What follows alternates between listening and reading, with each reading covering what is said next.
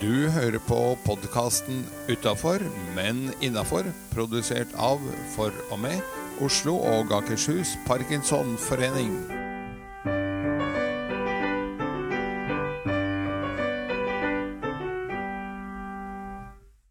Hei, jeg heter Selin. Og jeg heter Edgar. Hei. Og sammen skal vi lose deg gjennom en ny episode av uh, 'Utafor, men innafor'. Og i dag skal vi ha stort sett eh, de faste postene, som vi kaller det. Eh, Det var nynorskandelen vår som kom inn der. Eh, Vi skal ha en bra start på dagen. Vi skal ha litt minifakta om parkinson. Som nok mange parkinsonister ikke er helt bevisst på de gjelder. Så har vi ukens gjest, som denne uken er Bjørn Strøm. Så har vi kunngjøringer, og der er det jo kunngjøringer, hva som skjer. Og så har vi en liten quiz på slutten, litt hjernetrim. Og et Mysja-tips. Et nytt uh, tips fra Audun Mysja.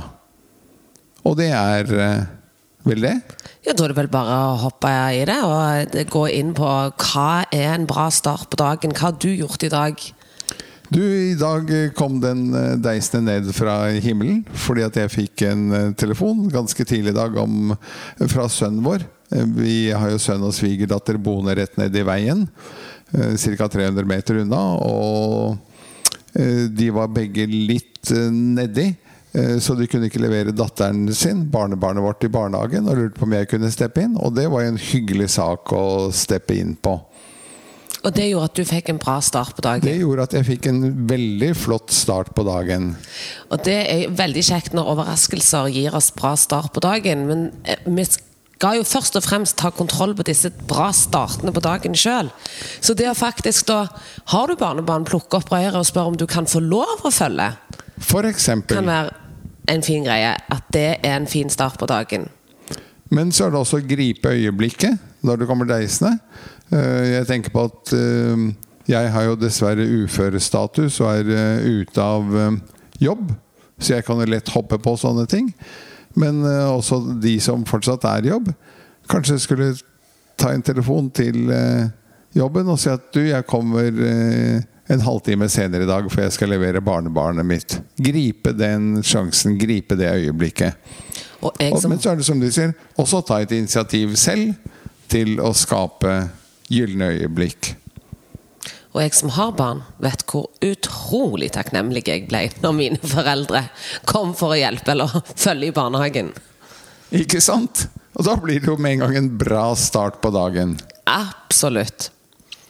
Og da er det et lite Parkinson-fun fact. Eller egentlig ikke fun fact, det er bare en små ting som vi tenker at ikke alle er så bevisste på. Ja, for du har jo i et par episoder snakket om apati. Og eh, det du kaller delay. Altså at når du forteller meg en vits, så kan det hende at jeg henger etter et lite sekund eller to før jeg ler. Og at vi må være bevisst på å konsentrere oss mer på den som forteller f.eks. For en vits eller et fun fact eller Høy, har du sett? Vet du hva som står i avisen i dag? Vet du hva jeg hørte på radioen mens? Og så ha full attention på deg som forteller og deler dette med meg, og gi respons tilbake. Og det er enda en liten bit i dette, og det er at veldig mange får dårlig ansiktsmimikk etter hvert. Det vi kaller maskeprega ansikt. Ja. Der kommer alle logopeduttrykkene, skjønner jeg. Ehm, og hvis jeg både er litt treg til å le, og dessuten eh, da har dårlig Hva sa du?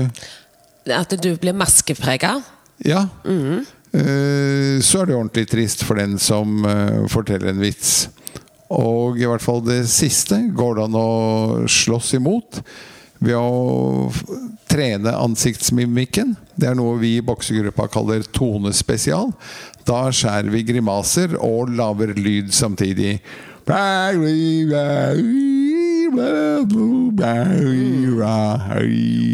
Ja. Nå fikk jeg altså de beste bildene på radio. Radio med bilde. For nå fikk ingen sett De hørte deg, men eh, ansiktet til Edgar gikk eh, trill rundt.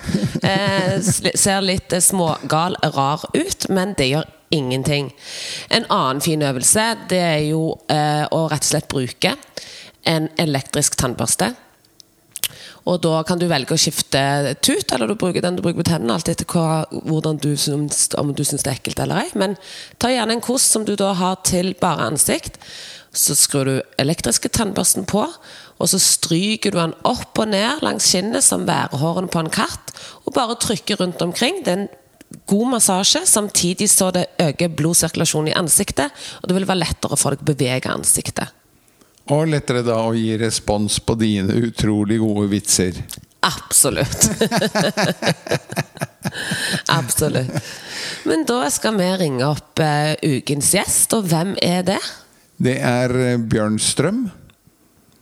Og det sier deg kanskje ikke så mye, men han uh, er kaptein i SAS. Eller har vært kaptein. Flykaptein i SAS inntil for veldig kort tid siden. Nå er han bare instruktør. Eh, men jeg tenker at eh, det er jo litt interessant. Hvordan eh, er det å ha parkinson og skulle fly et fly med 250 passasjerer bak ryggen din? Det gleder jeg meg til å høre. Da ringer man opp, da.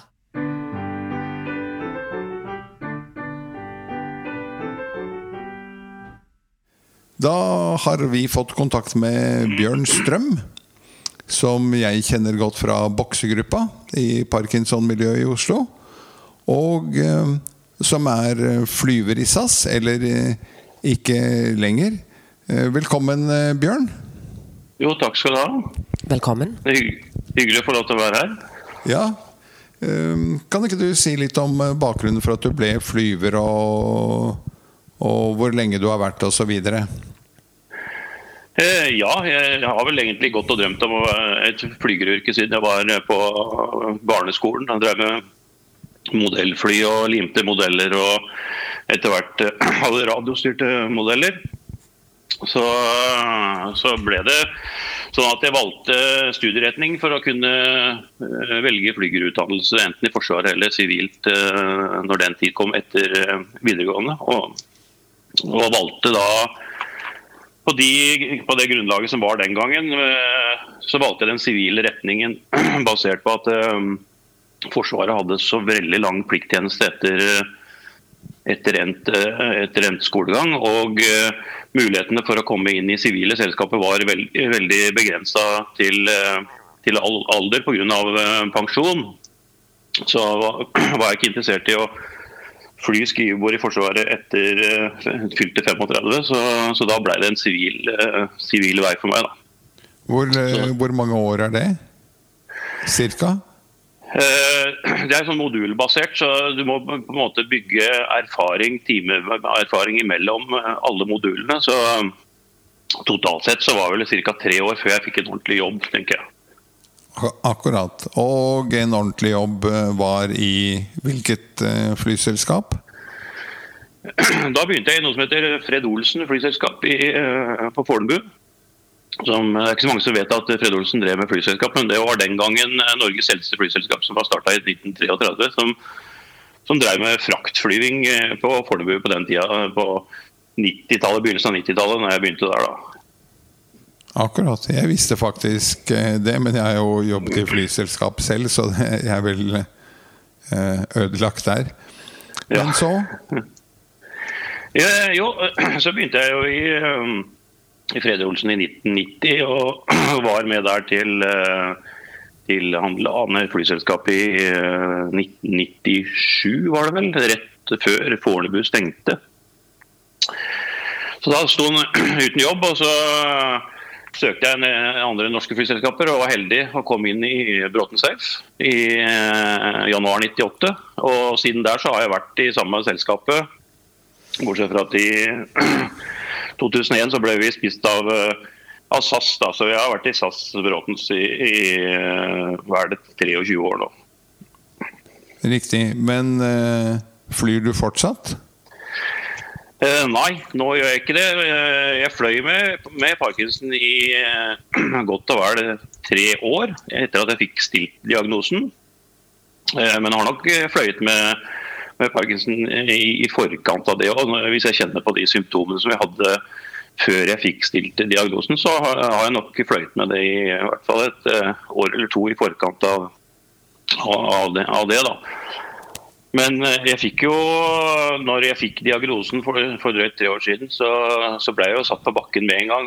For luftfartsmyndighetene var veldig skeptiske til, til Parkinson-kombinasjonen og flyving. Men men eh, jeg utfordra systemet litt med basis i hva de har gjort i andre land og store luftfartsnasjoner som f.eks. USA, som, som tillater, eh, tillater, flyging med Parkinson under, under visse vilkår. Og fikk faktisk godkjent etter noen måneder, eh, det tok faktisk ti måneder da, før luftfartsmyndighetene godtok at jeg skulle kunne fly basert på en veldig tett monitorering av sykdomsutviklingen med voldsomme tester hvert halvår. Og selvfølgelig veldig lite medisinering, da. Så, så kun veldig basic medisinering. Men, men, i et samarbeid med nevrologen så kunne jeg faktisk utvide, utvide flyvingen med en medisinering som, som ikke var tidligere godkjent i, i EASA, som det heter, eller Europa-regelverket. Så så da, da fløy jeg på det fram til påske nå.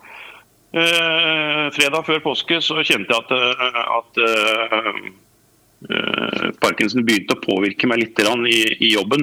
Eh, det begynte å stjele litt fokus. Det var ikke sånn at noen andre merka det, men, men, jeg har hatt en dialog med flylegen min hele veien og sagt at eh, den dagen jeg merker at eh, Parkinson begynner å, å, påvirke jobben min i en så viktig jobb, så skal jeg slutte sjøl.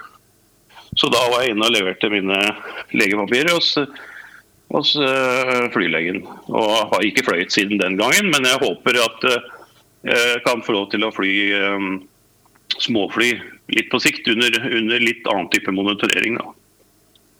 Hvor viktig var det for deg å få til den prosessen og den godkjennelsen? For du har jo bana litt vei nå for det kommer kanskje flere kapteiner med parkinson i fremtiden? Eh, ja, det kan nok hende. at Og det følte jeg at det var viktig for meg. For, eh, for, for meg så har, eh, var den Parkinson-diagnosen Den slo litt hardt ut. For det, var ikke bare, det var ikke bare jobben den tok, den tok jo også hobbyen min. For jeg har jo drevet med småfly siden, siden jeg tok sertifikat da jeg var 18 år. Og har, har drevet med småflyging i flyklubb eh, kontinuerlig hvert eneste år siden, siden, den, ved siden av den profesjonelle karrieren. Så, så det, Hvor gammel er du, Bjørn? Du ser ut til å ha drevet med det siden du var 18? Jeg er 55 nå. Riktig. Så jeg drev på med 37 år. Jeg fikk flysertifikatet på 18-årsdagen, faktisk. Det var ikke så mange som fikk det den gangen. Nei, De fleste andre fikk vel vanlig bilsertifikat og og var kjempelykkelig bare for det. At de kjørte opp eh, på morgenen gjerne på 18-årsdagen sin og, og, fikk lappen ja. da. Men du fikk ja, ja. altså flysertifikat på 18-årsdagen. Det er jo ganske unikt. Ja, altså Jeg måtte bli kjørt til flyplassen av min mor og far, da, for jeg hadde ikke råd til å ta bilsertifikat før et halvt år seinere. det er jo en morsom vri. uh, litt tilbake til flyvingen. Hva er det mest uh, eksotiske stedet du har fløyet til? Oh, det har vært mange eh, plasser. Uh, mest eksotiske må nok være Svalbard, tenker jeg. Hvis en skal ta det som er eksotisk og i nærheten. Faktisk Det gir en veldig spesiell følelse å fly til Svalbard. Hvor det liksom flyr en og en halv time fra Tromsø nordover, og det er ikke noe antydninger til lys. Og så er det bitte, bitte lys oppe akkurat rundt Longyearbyen, men ellers er det helt øde. Og en fantastisk variasjon av, av, vær, egentlig. Fra ordentlig drittvær til, til fantastisk fint midnattssol og komme innover helt skyfritt eh, og fly rundt hele øya. Den mest uh, morsomme opplevelsen rundt uh, Svalbard var når jeg fløy med en hel haug med cruiseturister som skulle opp dit uh, en, en, en, vår, hvor det var, det var kjempefint vær med en tåke akkurat over Longyear. Så vi brukte, skulle vente til skulle svi av tåka på flyplassen. og Regna med at vi kunne vente en time, halvannen time, så var det gjort. Men Men det var det ikke. Så, så, vi fløy rundt hele Svalbard i begge retninger med Cappelens veikart som guide, for det var det eneste vi hadde av noen detaljkart. og, og brifet passasjerene om den og den fjorden her og den og den fjorden der. Og de, vi landa tilbake igjen samme morgenen i Oslo uten å komme tilbake uten å komme ned i, på Svalbard. Og jeg har aldri hatt så fornøyde passasjerer som den gangen. så bra. Du, jeg hang meg litt opp i en ting. At du sa at eh, du skulle slutte Altså, når du kjente på det, så skulle du levere inn papirene. Ja. At du, du, tok kontroll på det. For det tenker jeg uansett yrke, da. Så tror jeg det mm. er så viktig at når en får en diagnose at en sjøl er i regi av å styre det, istedenfor å bli Eller hva tenker du om det, hvor viktig det var for deg? Ja, det syns jeg var viktig for meg. For det, det er en jobb som, som, krever fryktelig mye eh, kan si både koordinasjon og, og, og den kognitive. sånn at eh, og jeg jobber jo veldig mye på opplæring. Jeg har jobba med opplæring i flyselskaper opp gjennom hele tiden. Jeg, jeg har jo sett, sett at hvis, hvis, det begynner å bli såpass dårlig og det synes, synes så, så, så, er det egentlig for seint å slutte. Så, så man må, må, kjenne på det sjøl. Man skal ha et åpent forhold til det at man skal kjenne på når han kan, kan slutte sjøl, tror jeg. Men Betyr det at du har slutta, eller er SAS en sånn tilrettelagt bedrift at du kan gjøre andre ting? Eller hva var ønsket ditt etterpå? Uh, ja, eh, SAS er jo en sånn IA-bedrift, så, så, så, de har, uh, har, muligheter til at jeg muligens kan fortsette. Da. Vi jobber litt med den saken nå for å tilrettelegge litt, men, men jeg har jo hatt en delt stilling i SAS både som flyger og som simulatorinstruktør. På, på, den årlige sjekken som alle flygerne må gjennom, og årlig trening. Det er to, to dager i simulator som alle flygere må gjennom. og det, det har jeg fortsatt med, så jeg har ikke vært Eh, jeg har ikke vært sykemeldt en eneste dag jeg, i SAS-systemet, selv om jeg fikk uh, parkinson jeg har kanskje tre, tre, uker etter at jeg fikk den første diagnosen. Men etter det så har jeg vært, uh, har jeg vært på jobb i, i, simulator og på treningsavdelingen hele veien. Så jeg regner med at, uh, faktisk at det kan komme til å fortsette på å jobbe på opplæring. For der er det ikke noe krav til, til den medisinske som på en måte har stoppa meg da, i, i, i flyving foreløpig, i hvert fall. Hva er, eh, hva er, de viktigste symptomene dine? Det som du sier du selv merket? Eh, jeg merker at du blir litt eh, anspent i Jeg har bare ensidig, da, så, jeg skjelver litt i venstrehånda, venstre, venstrefoten. Og jeg har tatt meg sjøl litt å holde, litt hardt i, i, i stikka. Føler at liksom, Fy fader, og, og, og, hardt og holdt i stikka nå. Liksom, sånn umotivert. Og det der med å prøve å på en måte skjule eh, skjule Parkinson-symptomene for, eh, for, de rundt deg, det følte jeg at det, tok litt energi uten at det var noe problem. For jeg var veldig åpen på at jeg hadde Parkinson, og, og kollegaene mine syntes det var veldig flott at jeg, at jeg fortsatt kunne fly med, med Parkinson. Men jeg, jeg, følte litt at eh, sånn overfor passasjerene bl.a. at hvis du har en kaptein som, som skjelver, så det ser ikke så bra ut. Så da skal han gi seg før, det, før det, noen ser det, i hvert fall. Riktig. Men du var inne på et viktig poeng. Du sa åpenhet. Det er jo noe vi har hatt i flere av episodene våre. Hva gjør du når du får diagnosen? Um, og, og hvor jo en del prøver å skjule dette her, sånn ikke deler med familier, ikke, ikke deler med kolleger eh, noe særlig. Uh, og prøver å holde altså skjelvende hender i bukselommen og og hva? Mens du sier at uh, du er for åpenhet. Ja, jeg er veldig for åpenhet. For da, er det liksom, uh, da, da, da, vet de hva de har forholdt seg, forholdt seg til. De, de, de, det, altså, de, vil jo se det på et eller annet tidspunkt uansett. Spesielt hvis du er sammen med folk i, i litt over tid, så, så vil det jo merkes uansett. og Eh, som sagt, Jeg har vært åpen på det hele veien og, og fått veldig mye tilbake, positive tilbakemeldinger på det. og Det har jo egentlig sånn åpna en del dører som, eh, som, eh, som, vi ikke trodde var der. Bl.a. det med, med boksinga. Det at jeg var åpen med, med Parkinson på et Rotary-møte, så traff jeg jo en, en kollega, en styrekollega av Bjørn Skare. Eh, som sa at eh, å, du må ringe til han Bjørn Skare, for han, eh, han har parkinson og han, er, han har noen gode, ville ideer. Han har sagt, så. Det har han.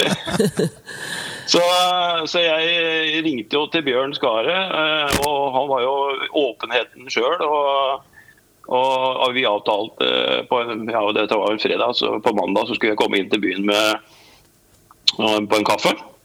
Så vi skulle møtes på hans, eh, hans jobb eh, i Oslo på, på en kaffe. Og så sier han eh, akkurat det vi skulle legge på, og så sier han by the way, ta med deg litt treningstøy. Så tenkte jeg ja ja. Jeg har, jo, jeg har jo ikke trent på mange år, så jeg måtte jo stupe ned i, i skapet og finne noen gamle joggesko og en, en shorts og litt sånne greier. Men, men troppa opp da på Ja, det var jo faktisk tirsdag, da, for det var jo bokstrening. Så, så vi endte jo opp etter, etter kaffen. Da, så så taua Bjørn meg bort på Oslo bokseklubb. Og så Jonny, Jonny Carlsen og, og Rockstead i boksing. Og da var jeg på en måte fanga. Jeg har vært der siden, da. så jeg har vært der nå snart inntil ja, nesten hele tida som jeg hadde parkinson. faktisk. Det var jo bare noen uker etter at jeg fikk diagnosen som, som, som, eh, som snakka med Bjørn og, og var på plass på boksinga.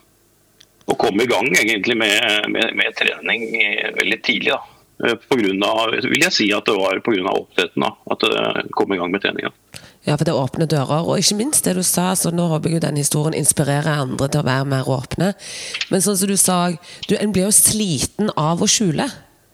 Ja, det, det gjør den. Det, kjenner, det merker du på at det, det blir hvis du, er, hvis du er eh, sammen med mye fremmede folk i, i en lang, eh, i lang periode, så, så blir du litt sliten av det. Altså. Det gjør det. Interessant. Eh, Nå har du jo for så vidt sagt at eh, trening er viktig. Hva med dem som ikke har en, boks Unnskyld, en bokseklubb i nærheten? For eksempel? Eh, Eller andre ja. type idrettslag som har fokus Ja. på, på parkinson? Eh, Ja, bør ikke være i nærheten. Han har sagt. Jeg kjører jo 1 time og 20 minutter hver vei eh, for å komme meg på boksetrening, så det, det, går, det går jo an å ofre litt tid på dette igjen her. Og når vi trener eh, sånn Johnny-timer, så blir det jo 2 12 timer i hvert fall hver gang vi, vi er inne på trening. Så jeg får jo egentlig, selv om det, det koster mye kjøring, så, så blir det valuta på treninga. Så, så det bør ikke være umiddelbar nærhet. Da, men, eh, men det er klart at det, bare, all trening er bra trening. altså Komme seg ut og få opp pulsen. og uh, Så, så det, det føler jeg at det har vært veldig, veldig bra. Uh, fra Gått fra ikke trent i hele tatt før Parkinson til å, til å trene. Og boksetrening er jo fantastisk morsomt. Ikke, ikke bare fordi det, det er morsomt med boksing, men, eh, men du treffer så mye fine folk der òg. Så du, Så det blir sosiale betyr jo ganske mye, faktisk. så du er egentlig i bedre form du enn på noen gang? Jeg har aldri vært så bra form som, eh, som etter at jeg fikk parkinson. Det er fantastisk! Og, Og så har jeg en datter som driver med kickboksing i tillegg, så hun syntes det var ekstra stas at pappa begynte med boksing. Ja, ja, selvfølgelig. du, da nærmer vi oss slutten her. Sånn. Vi har et, eh, et eh, avsluttende spørsmål eh, hver gang. Som vi tjuvlåner fra Dagsavisen. Og det er hvem vil du helst stå fast i heisen sammen med? Oi. Uh, ja, si det. Si det. Uh, kanskje jeg skulle velge, um, velge den nyansatte SAS-sjefen. Det kunne vært morsomt. Uh, vi har hatt en periode hvor det har vært litt anspente forhold mellom ansatte og ledelse i, i SAS. Men, men eh, den nye SAS-sjefen virker som det er eh, eh, virker som en veldig oppegående mann som har litt sånn Janne Karlsson-vyer. Så det kunne vært spennende. Det er en hollender, er det ikke det? Det er en Nederlender. hollender. Ja, nederlender, ja. Anko van der Werf. Virker som han har veldig mye sånne positive tanker rundt det med å ta vare på, på de ansatte. Så, så det syns jeg er en I og med at jeg jobber mye med, med flysikkerhet og opplæring, så er jo det med arbeidsmiljø er et viktig element i også flysikkerhetsarbeidet, faktisk. Flott. Da ønsker vi dere et godt opphold i heisen, og sier takk for at du var med oss i dag.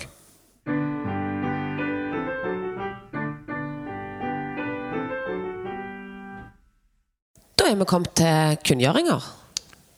Det har vi. Og eh, som vanlig henviser vi i hovedsak til eh, hjemmesidene parkinson.no, for de er oppdatert så mye som det i det hele tatt går an.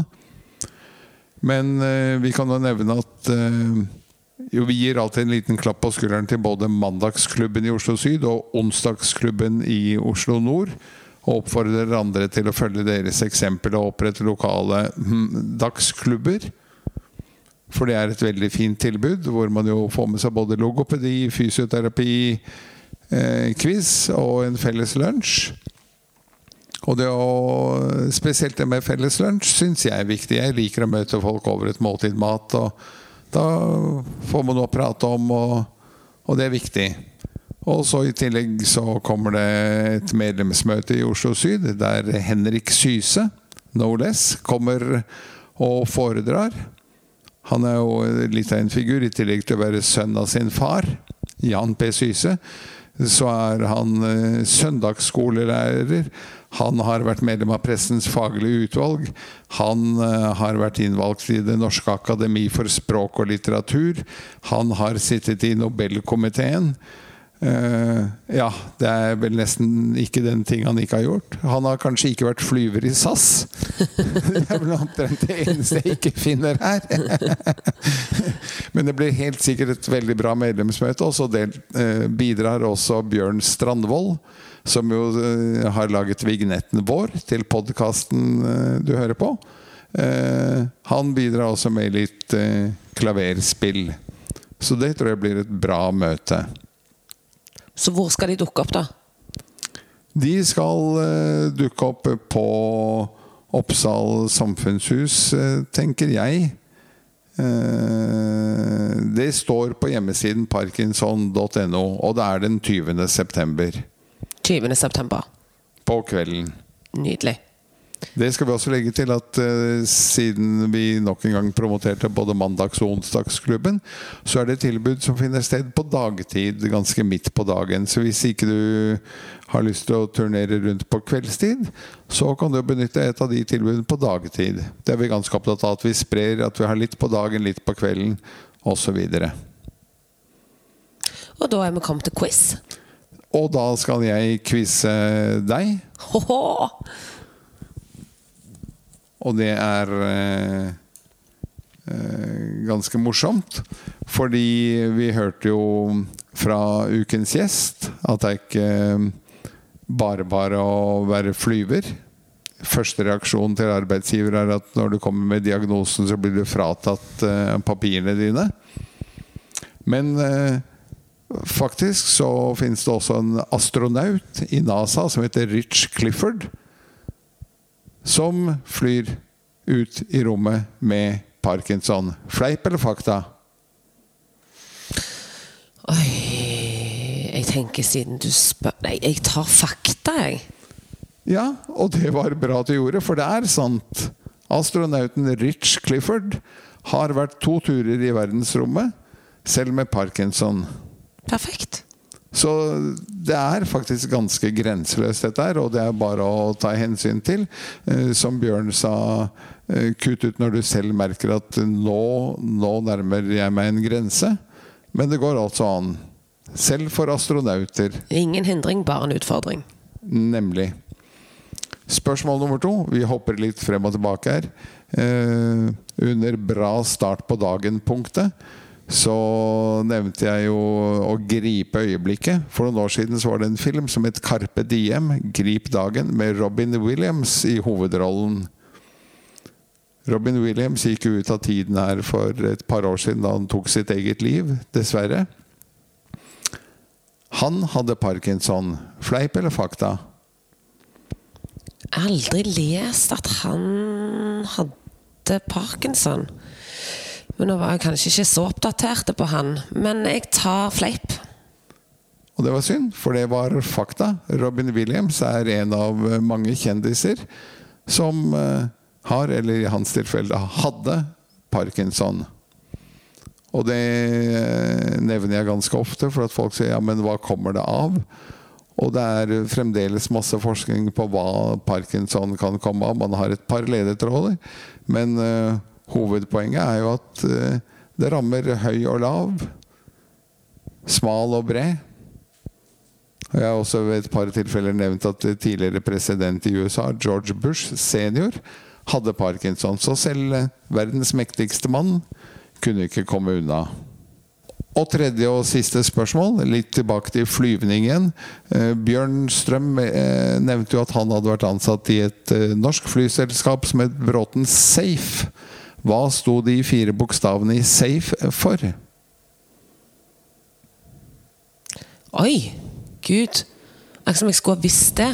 Safe. Uh, Scandinavian Airline Flying Eh, eh, Et eller annet. Nei, eh, den Bråten var jo helnorsk, så det var kanskje ikke skandinavisk, for det er jo SAS, det. Det er helt riktig. System eh, Nei, jeg har ikke peiling, faktisk. Nei. Det var faktisk eh, Altså Alle syns jo at eh, Eller veldig mange synes at Bjørn Kjos er en kjempemann som har løftet Norwegian opp og frem. Og de fikk seg jo en smell pga. koronaen, men eh, uten det så hadde de nok eh, fløyt høyere enn de gjør i dag. Eh, allerede tilbake på 40-tallet, er det vel? 30-40-tallet, så var det en skipsreder som het Ludvig Bråten. Ludvig G. Bråten. Som startet flyselskapet Bråten Safe. Og de fire bokstavene sto for South American and Far East. Ja. Rett og slett. Så det eh, fantes ambisiøse Ja. norske eh, flyselskapseiere allerede den gang. Og da du sa Scandinavian et eller annet, så er det helt riktig at dette var helnorsk. Og det sies i visse miljøer at eh, Ludvig G. Bråten hatet SAS så intenst at han ikke kunne eh, si navnet. Så han kalte eh, de som kom om bord, kalte han for passerer. Han kunne ikke si passasjerer. Må vel være en fun fact. Det er en fun fact. Fakta, det er faktisk fakta. At han konsekvent nektet å si passasjerer, så han sa passerer. Hvor mange Fantastisk. passerer har vi eh, til Trondheim i dag? Vi har 114. Fantastisk. Han skulle jeg møtt. Men da er vi til veis ende, da. Ja, da gjenstår uh, ukens Mysja-tips. Og før det inn i uken deres. Prøv å gjøre Det det. er det syvende tipset i rekken av eh, ti. Og da er det bare til å lytte, høre og gjøre. Nemlig.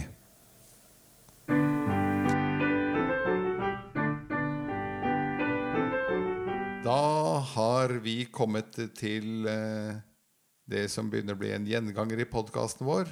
Ukens Mysja-tips. Nummer syv i rekken av ti. Godta livet som det er. Hva tenker du på da, Audun? Eh, Det kan jo umiddelbart virke provoserende for en som er ramma av en sykdom. Ingen skal si at sykdom er rettferdig eller at eh, det er bra å bli syk. Det, jo, det har i alle fall eh, livet lært meg flere tiår som lege i norske helsevesen at det å være lege og slåss for å gi mennesker med sykdom så mye helbredelse og hjelp som mulig, er i alle fall en god ting å vie livet sitt til. Men jeg har sett at folk ofte starter med å skulle ønske seg livet annerledes enn det er. Og det er en dårlig eh, plattform for endring, for da, da skapes det en splitt mellom det som faktisk er tilstanden og det vi skulle ønske. Og jeg tror at endring oppstår når vi står helhjerta der. Og jeg tror at å, å godta at OK, i dag er jeg i dag har jeg en dårlig dag. I, I dag er jeg stiv. OK, det her er utgangsstillinga. Og så kan du begynne da med mange av de tiltakene. Du kan puste. Mange starter med å, å fordype pusten. Du legger merke til at når du er i den stivna, negative tilstanden, så puster du Holder du pusten etter utpust? Etter innpust, mener jeg. Eh, Midt i innpustet, kanskje. Og så begynner du å vie ut i større pust. For da kan du begynne å sette inn endringstiltak. Men det å godta deg sjøl akkurat slik du er, det er på en måte, slik jeg ser det, en grunnvoll for å skape positive endringer. At ikke du prøver å tvinge deg til å leke at du er bedre enn du er, for da får du en reell grunnvoll. Og der kan du bruke de andre tipsene. Det, eh, det blir å, å, sikre at de andre tipsene også får en god grunnvoll å virke ut fra. For, eh, for jeg tror at mange sliter med å godta situasjonen sin. Alle sammen sliter f.eks. med å godta aldring. Alle tror at vi skal leve evig, og at vi skal være friske når vi er friske. Og det å plutselig bli ramma av sykdom som parkinson og aldring, det er tøft. Men det tror jeg i alle fall er et godt utgangspunkt. Da sier vi takk eh, for utdypingen der. Det var uh, ukens Misha-tips nummer syv. Godta livet som det er. Eller uh, kan ikke dy meg helt Seri Linn har jo sagt i noen tidligere podkastepisoder Det er ikke hvordan du har det, det er hvordan du tar det. Og det går jo i samme bane. Ja. Du har eh, hørt på podkasten Utafor, men innafor, produsert av For og med Oslo og Akershus Parkinsonforening. Vi håper du har hygget deg, og ønsker deg hjertelig på gjenhør i nye sendinger.